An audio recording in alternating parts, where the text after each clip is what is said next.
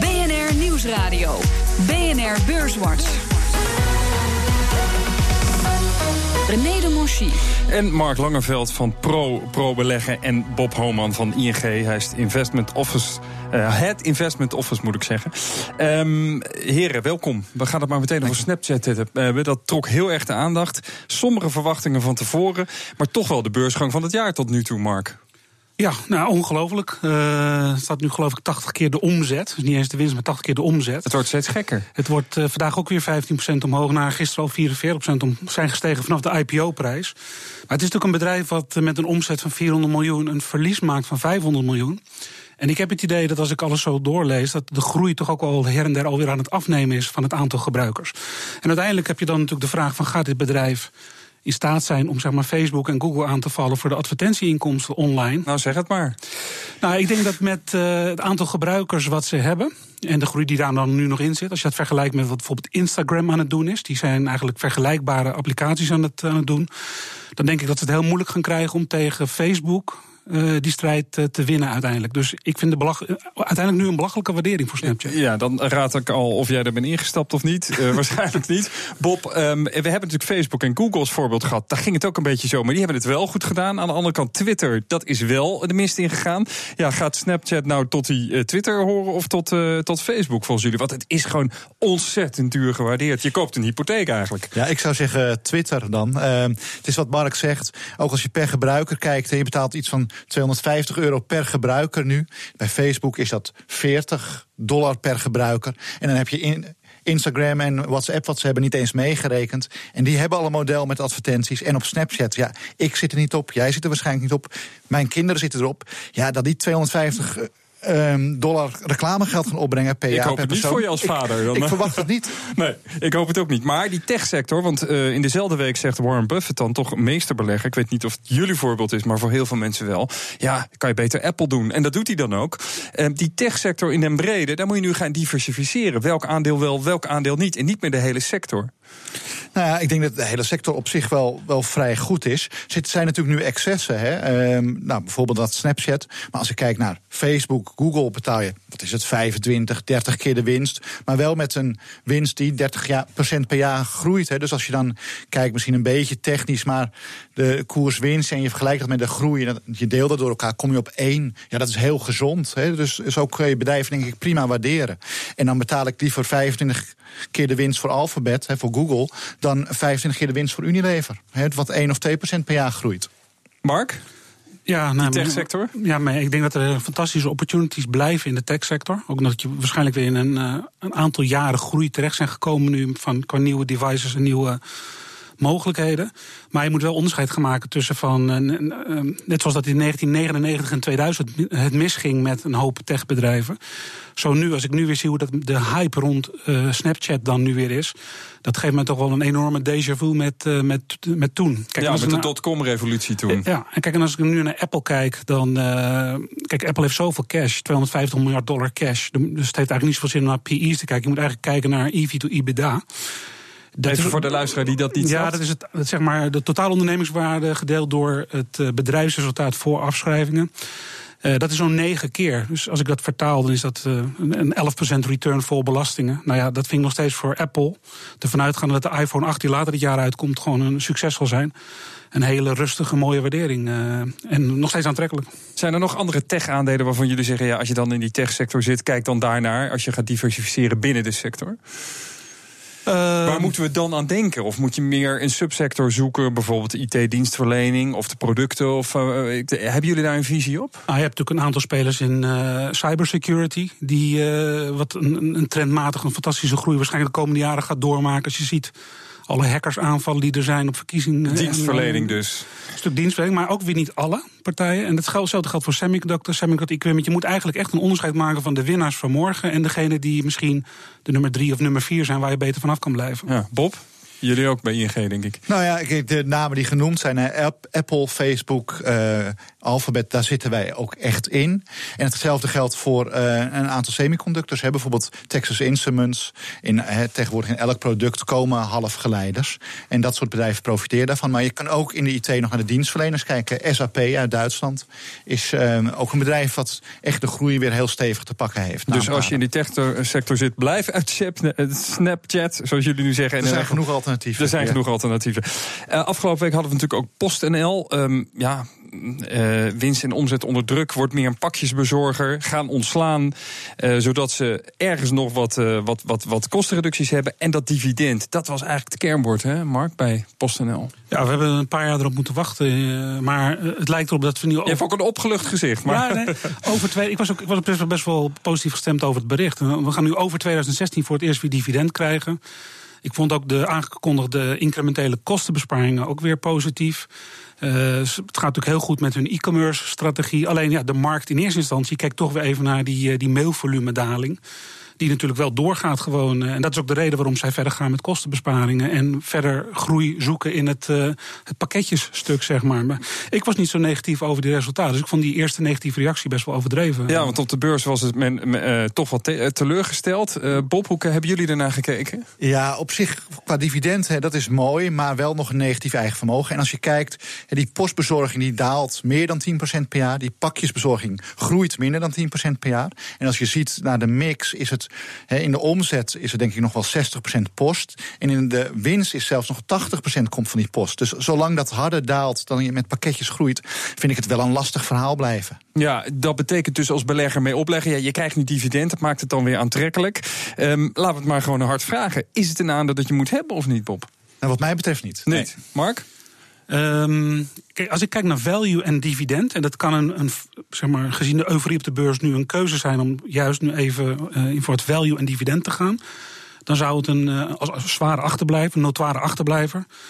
Uh, denk ik wel dat je wat upside hebt vanaf hier. Maar ik denk niet dat je hier de komende tien jaar uh, je geld in moet parkeren of zo. En, en over een overname hebben ze het helemaal niet meer gehad. Dat lijkt nu echt van de baan. Nou, maar dat is definitief volgens mij nu. Uh, dat ja. kan niet meer. Dat kan niet meer. Dat, Bob, nou ja, niet, niet uit België in ieder geval. Nee. Misschien uit een, uit een andere hoek nog. Maar eh, ik, ik, ik zie het ook niet als overnamekandidaat. Want volgens mij, als je zo'n business wil starten in pakketjes. Hè, ik vind de toetredingsbeheerders zo gering. Ja, dan kan je het ook zelf opstarten. Ja, nou, dat is een goede uh, om als belegger naar te kijken. De, de instapmogelijkheden voor anderen.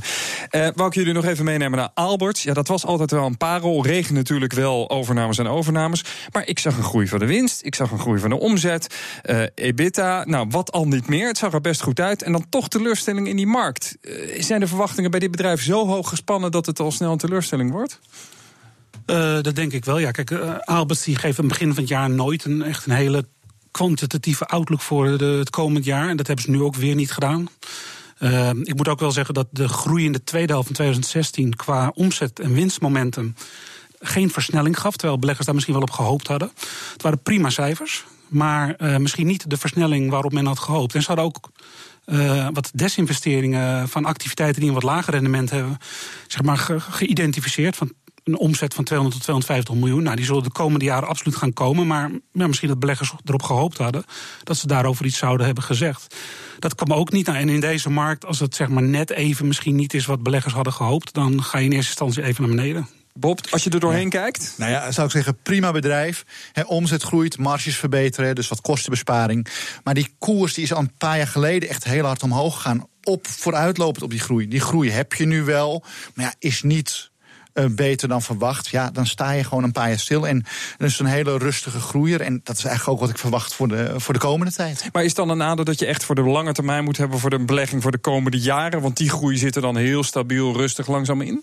Ja, ja, zo mooi omschreven. Oké, okay, ja, Mark ook. Ja, als je dat vanaf de jaren tachtig had gedaan, dan had je een prima rendement ja. gehad over al die jaren. Ja, nee, zeker. Dan uh, hadden we niet mogen klagen.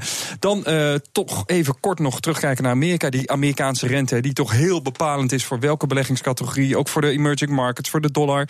Uh, de, een van de, van de mensen die meestemt, Jay Powell, die zit in dat Fed-comité. En die zei op beurszender CNBC het volgende. And uh, as I said last week, I, I do think that a rate increase at the March meeting is on the table for discussion. Je zag onmiddellijk wel weer een reactie. Men is in afwachting, en dat valt buiten deze uitzending, in, wel in het weekend, uh, dat Yellen gaat praten, uh, de baas van Jay Powell. Um, maar die beurzen zijn blijkbaar nu, nadat de winsten geweest zijn, de recordstanden zijn bereikt, toch eigenlijk in afwachting van wat gaat de rente doen, Bob? Ja, en die rente gaat in maart in onze ogen wel omhoog. Hè. Uh, dat wordt nu ook door de markt wel zo ingeschat. En de beurs reageert er nu ook positief op. Hè. Uh, met name de financiële waarden, die baat hebben bij een wat hogere rente, want dan worden rentemarges wat, uh, wat beter. Nou, dat zie je vandaag ook weer terug op de beurs. Zodra die rente wat stijgt, gaan die financiële waarden omhoog. Wij verwachten dat. En je krijgt dit jaar, sorry, denk ik nog twee renteverhogingen daarna. Dus in totaal uh, drie. En dan staat de rente wat hoger. Maar dan heb je denk ik ook wel weer gehad. Hè, want er zijn genoeg tendensen die de, de rente ook wel laag houden.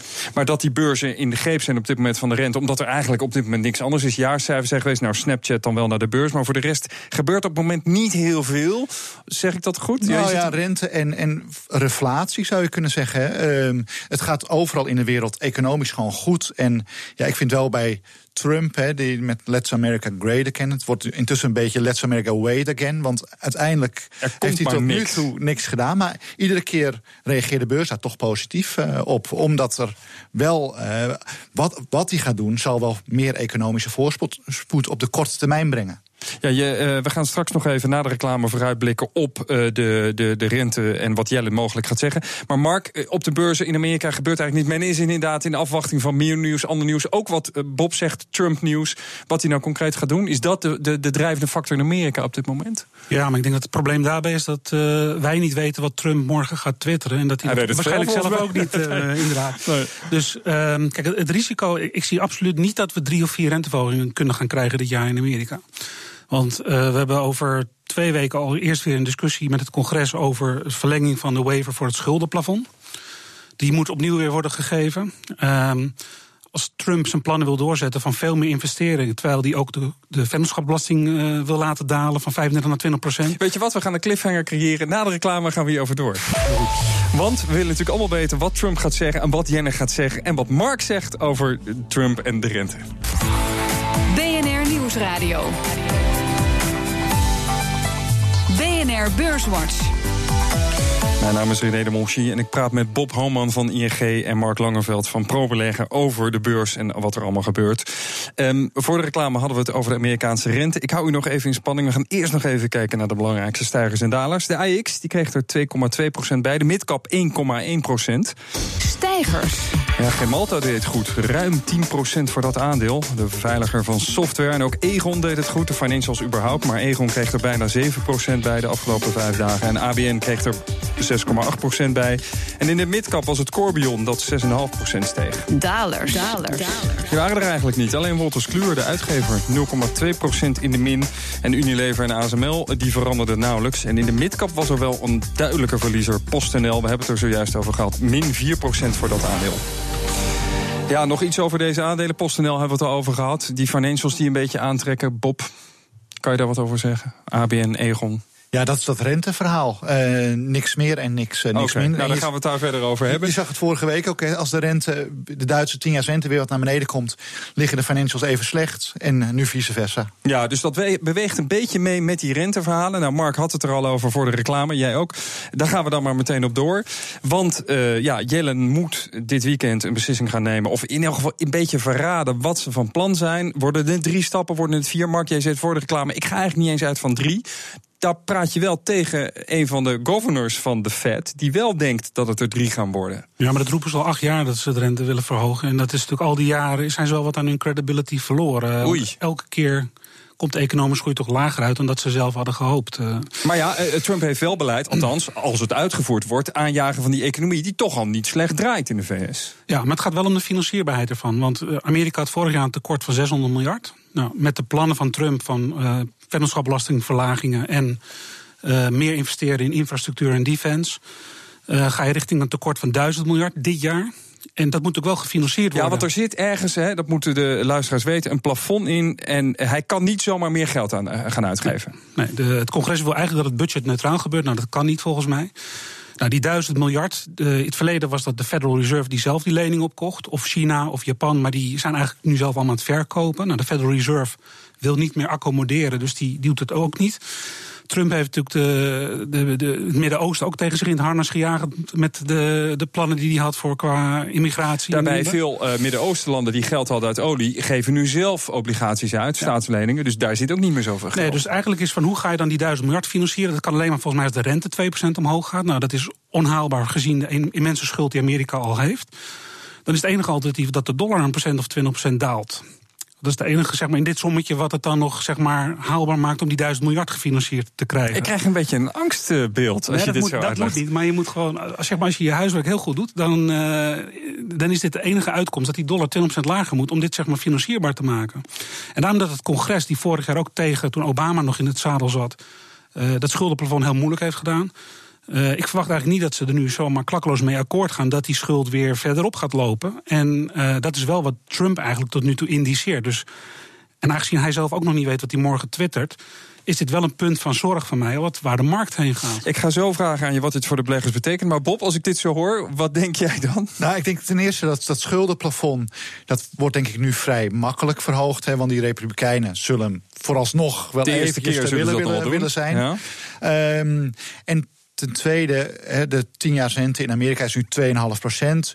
Dat lukt nog. En ik ben helemaal eens, ja, dat schulden die schulden gaan oplopen. En ik denk dat die op dit moment nog eventjes gefinancierd worden vanuit Europa, hè, waar je helemaal geen rente krijgt. En nou, dan kunnen ze in, eh, in Amerika 2,5 miljard, in ieder geval vele miljarden. Het is een hele hoop. 3 ja. miljard per dag. Ja, ja, dat trek je dan zo uit de markt. Ja, maar die financiële markten zijn groot. Dat gaat nog wel eventjes. Maar ik ben helemaal met Mark eens. Als je iets langer kijkt verwacht ik ook dat die dollar wel iets zal prijsgeven. Die dollar is nu heel sterk. En, en, op korte termijn, omdat die rentes in Amerika wat sneller omhoog gaan, wordt misschien nog wel ietsje sterker. Maar eind van het jaar ja, zie ik eerder 1,10 dan 1 euro. Dat heeft wel gevolgen voor degene die beleggingen willen kopen in Amerika. Kortom, wacht nog even op een lagere dollar. Nu nog niet instappen. Ja, je begint te lachen. Nou ja, ja, wij zijn inderdaad onderwogen in Amerika. Niet vanwege die dollar, want die valuta laten we er meestal buiten. Um, maar omdat ja, die Amerikaanse markt is gewoon een stuk duurder dan uh, de rest van de wereld. En wat we dan wel in Amerika kopen zijn tech-aandelen. Want die heb je nauwelijks in, of veel minder in de rest van de wereld. Ja, want ik las wel al analyses dat die Amerikaanse beurzen wel heel erg zijn opgelopen. En daar was al op vooruitgelopen dat de winsten hoger zouden zijn. Die moeten de komende jaren, in elk geval maanden, wel heel veel hoger worden. Wil dit gerechtvaardigd worden, Mark? Ja, dat klopt. Maar als je die, die vennootschapsbelastingverlaging die van 35 naar 20 procent die er dan aan schijnt te komen. Ja, hij zit in ieder het hoofd van Trump, kunnen we zeggen. Dat betekent wel weer dat die netto-winst en daarmee de koers-winstverhouding van de Amerikaanse bedrijven uh, een stukje gunstiger eruit komt te zien. Um, dus dat is volgens mij de laatste konijn uit de hoed die hij um, binnen twee weken uh, gaat trekken. En dat is denk ik ook het laatste, in mijn ogen, qua visie. Uh, het setje wat de beurs nog in de rug gaat krijgen. En dan is volgens mij echt het feest voorbij uh, dit jaar. Dus ik, uh, ik word wat prudenter uh, ja, in deze fase. je wordt voorzichtig. Snap ik ook. Nee, daar zitten wij ook zo in. Kijk, de koersdoelen die wij hadden voor dit jaar... ja, daar sta je zo langzamerhand. Ja, dan kijk je het nog even aan. Ik vind om tegen deze markt in te gaan... vind ik ook zo wat. Hè. Er zit zoveel kracht in. Uh, en ik merk ook dat best wel veel mensen nog langs de kant staan. Dus als er een keer een dipje komt, komen die wel. Maar dan wordt het echt wel kijken van... ja, moeten we niet nog wat voorzichtiger worden dan nu? Ja, we, we naderen een kantelpunt als ik jullie zo hoor. Van nou, die, die rally die loopt af ja, ja maar niet dramatisch. Hè? Uh, maar wel een kantelpunt van oké, dan heb je het voor het hele jaar gehad. Krijg je een keer een terugslag, komt er wel weer een kans. Ik verwacht helemaal geen grote crash of zo. Maar een correctie lijkt me echt heel gezond. Mark? Nou ja, kijk, als ik het optel. Kijk, die, eh, Trump heeft ook gezegd dat hij allerlei buitenlandse bedrijven gaat, uh, op in, zeg maar, invoer gaat heffen. dat betekent dus als jij weinig productiefaciliteit in Amerika, maar je exporteert vanuit Europa bijvoorbeeld of Latijns-Amerika wel naar Amerika toe, dat je geraakt wordt. En ik denk ook dat die landen die er geraakt worden, misschien wat omgekeerde zullen instellen tegen Amerika. En dat heeft natuurlijk wel vervelende gevolgen voor de wereldhandel en ik denk ook voor de beurs uiteindelijk. Nou, we hebben natuurlijk verkiezingen in Frankrijk, verkiezingen in Nederland, verkiezingen in Italië later dit jaar. Uh, er zijn genoeg factoren waar ik, uh, waar ik denk van nou, uh, met, met, de beursstijging die we hebben gehad en de risico's die op de weg liggen, wees maar voorzichtig. Ja, de eerste twee maanden van het jaar waren de mooiste maanden als het om 2017 gaat. Ja, nou ik moet wel zeggen, in 2016 heeft het niet geloond om zeg maar te hedgen. Want voor de brexit of voor het Italiaanse referendum of voor de verkiezingen van Trump, alles wat je gehedged had, dat, daarmee had je geld verloren. Maar ja, een gewaarschuwd mens telt wel voor twee. Dus ik zou in deze fase, ik zou toch links en rechts toch ja, wel wat eigenlijk zeggen jullie allebei. Wanneer is die onzekerheid in de markt, eh, in de, in de markt zo groot dat de emmer, emmer inderdaad begint over te stromen? Dat mensen zeggen, ja, ik ga maar even langs de zijlijn staan. Die onzekerheden van vorig jaar tel je uh, natuurlijk al op. En dit komt er nog eens bij dit jaar. Ja, maar je moet ook niet vergeten, de eh, positieve kant moet je denk ik ook zien. Hè? Als die verkiezingen in Europa allemaal positief uitpakken. En die kans is ook groter dan negatief eigenlijk. Hè? Ja, dan heb je dat zet je weer in de rug. Overigens denk ik dat dat wel in de prijzen zit. Je kan denk ik nu prima zeggen, al het goede nieuws zit erin, tegenvallende nieuws nog niet. Dus ook als het meevalt, zal die beurs daar in mijn ogen niet veel uh, sterker op uh, worden. En je moet denk ik ook niet vergeten, uiteindelijk als die rente wat stijgt, hè, uh, wordt rente, als dat weer 3% is in, uh, in Amerika, ja, dat is ook echt wel weer een alternatief voor een belegging met risico. Dat is waar natuurlijk. De stijging van de Amerikaanse rente zorgt wel weer dat uh, zeg maar GDP in Amerika met anderhalf procent onder druk komt te staan. Dus dat, dat, dat kilt wel weer de economische. Nou, daar, daar schet je meteen het probleem van Jellen natuurlijk. Uh, moet je die ja. economie gaan aanjagen door die rente laag te houden? Moet je toch verhogen omdat je denkt het wordt al meer? Uh, wat doet Trump? Het lijkt me, ze lijkt voor een duivels dilemma te staan. Ja, maar dat vind ik niet zo heel spannend. Want eigenlijk als het te veel doet, dan mag je aannemen dat in het lange segment de rente alweer naar beneden komt, omdat men die afkoeling al weer inprijst. En als ze te weinig doet, zal het juist in het lange segment wat oplopen. Dus dat zijn eigenlijk ook wel weer een beetje compenserende factoren. Okay. Ze is hartstikke belangrijk, maar we moeten het ook niet groter maken dan het is. Want Tuurlijk moet die rente structureel wel iets omhoog van dit niveau. Maar er zijn zoveel deflatoren tendensen nog in de wereld. Dat die rente, ik zie het niet als een probleem dat het te veel oploopt. Mark Langeveld, wil je er nog iets over zeggen? Uh, nou, ik denk dat, het, uh, dat ze dicht bij haar pensioen uh, volgens mij zit. Dus ik denk dat het dus op een mooi moment afscheid gaat nemen. Ja, en Trump maar, is al geen fan van haar, geloof ik. Hè? En het, het probleem wordt waarschijnlijk voor haar opvolger ja, dan. Dan gaan we het afwachten. Komende week ook nog Axel, dat met cijfers komt. Hadden al gezegd dat zijn winst niet zou gaan worden wat ze eerst dachten. René Takens, die toch het bedrijf en het aandeel hoogte heeft ingestuurd. met, met de fietsenmaker. Um, ja, we moeten er al niet veel van verwachten. Het was altijd wel een zekerheidje op de beurs, Axel, als bedrijf. Maar Bob, ja, nou. ja. Hey, e-bikes, dat is het. Ja. Um, vergt toch ook wel veel investeringen. Um, dus dat, dat gaat van je, van je winst weer, weer af. Uh, er zijn wat teruggehaald dingetjes en met garanties op die dingen. Voorraadkosten zijn hoger als je duurdere fiets hebt. En zit in het hoge segment. Er komen ook wel toetreders die fietsen van 30% eh, goedkoper ja, leveren. Uit China goedkoper. En dan zeg je ja, je betaalt 16 keer de winst. Je hebt een 3,5% dividend. Prima. Maar veel meer hoef je er ook niet van te verwachten. In. Mark, kijk jij er nog naar, Axel? Nou, ik kan er niet echt heel warm van worden, nee. moet ik heel eerlijk zeggen. Nou, net als Bob. Ja. ja. Boskalis, eh, tot slot, als laatste aandeel dat nog met uh, cijfers komt, komen vrij laag. En je hadden natuurlijk al zwakke vooruitzichten, moesten afschrijven. Um, op dit moment een aandeel waarvan ik zou zeggen, niet te veel in zitten. Zijn jullie dat met me eens? Even afwachten hoe zich dit ontwikkelt. Nou ja, er komt natuurlijk een winstdaling. Uh, hadden ze al gezegd. Hadden ze ja. al gezegd. En dat is nog exclusief de, de impairment die ze uh, moeten nemen. 100 miljoenen, ja. Als ze vasthouden aan hun 50% dividend payout, zal ook het dividend een stuk lager moeten worden neergezet. Maar goed, dan denk ik wel dat je heel veel slecht nieuws uh, uh, inmiddels, en dat weet de markt ook wel, inprijst. En dan ga je toch weer kijken naar 2017, 2018. Hoe gaat de bezettingsgraad dan zijn voor Boskalis? En dan zijn er misschien, uh, zullen we ergens wel door het dieptepunt heen gaan en langzamerhand weer uh, in, in, een betere tijd uh, gaan Dus als komen. deze troep eruit is, wordt het weer interessant? Ik denk wel ook nu na de verkoop van Fugro hebben ze, ze hebben natuurlijk het belang van Fugro helemaal afgestoten, is hun balans ijzersterk. Dus alle kans om toe te slaan, ook qua acquisities.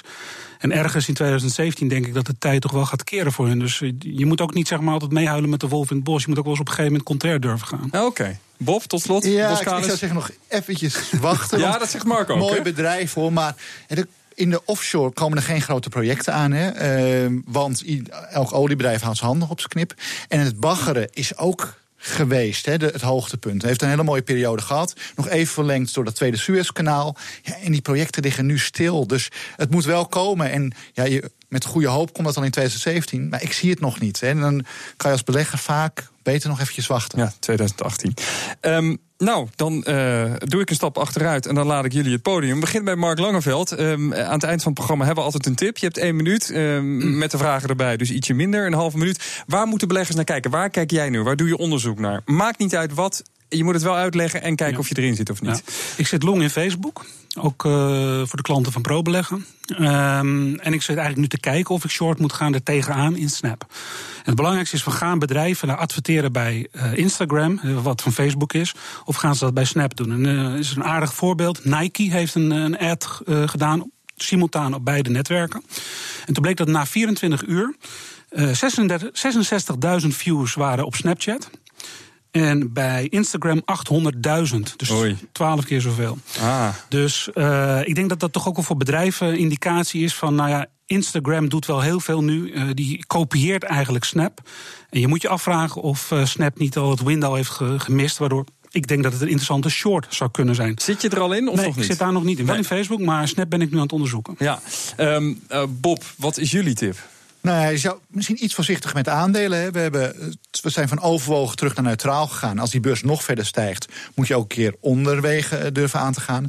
En ik zou zeggen, in de aandelen. Nou, ik ben ook wel gek van die techsector. Dan zou ik zeggen Alphabet, want die heeft dit jaar nog maar 6% gedaan. En de Facebooks en dergelijke zitten al op 15%. Ook die hebben we, laat ik dat er gelijk bij zeggen. En dan zou ik zeggen, aan de verkoopkant zou je eens naar Unilever kunnen kijken. Prachtig bedrijf, maar door die vermeende overname is er wat is er, 10% bijgekomen. Ja, dan is dat, die, die koers-winstverhouding wordt wel lastig te verklaren. Hè? Ik moet zeggen, in die sector zijn er ook weinig alternatieven. Uh, maar dat is als verkoop. En aan de andere kant, uh, staatsobligaties zou ik ook echt heel voorzichtig mee blijven ja. bij die oplopende rente. Voorzichtig.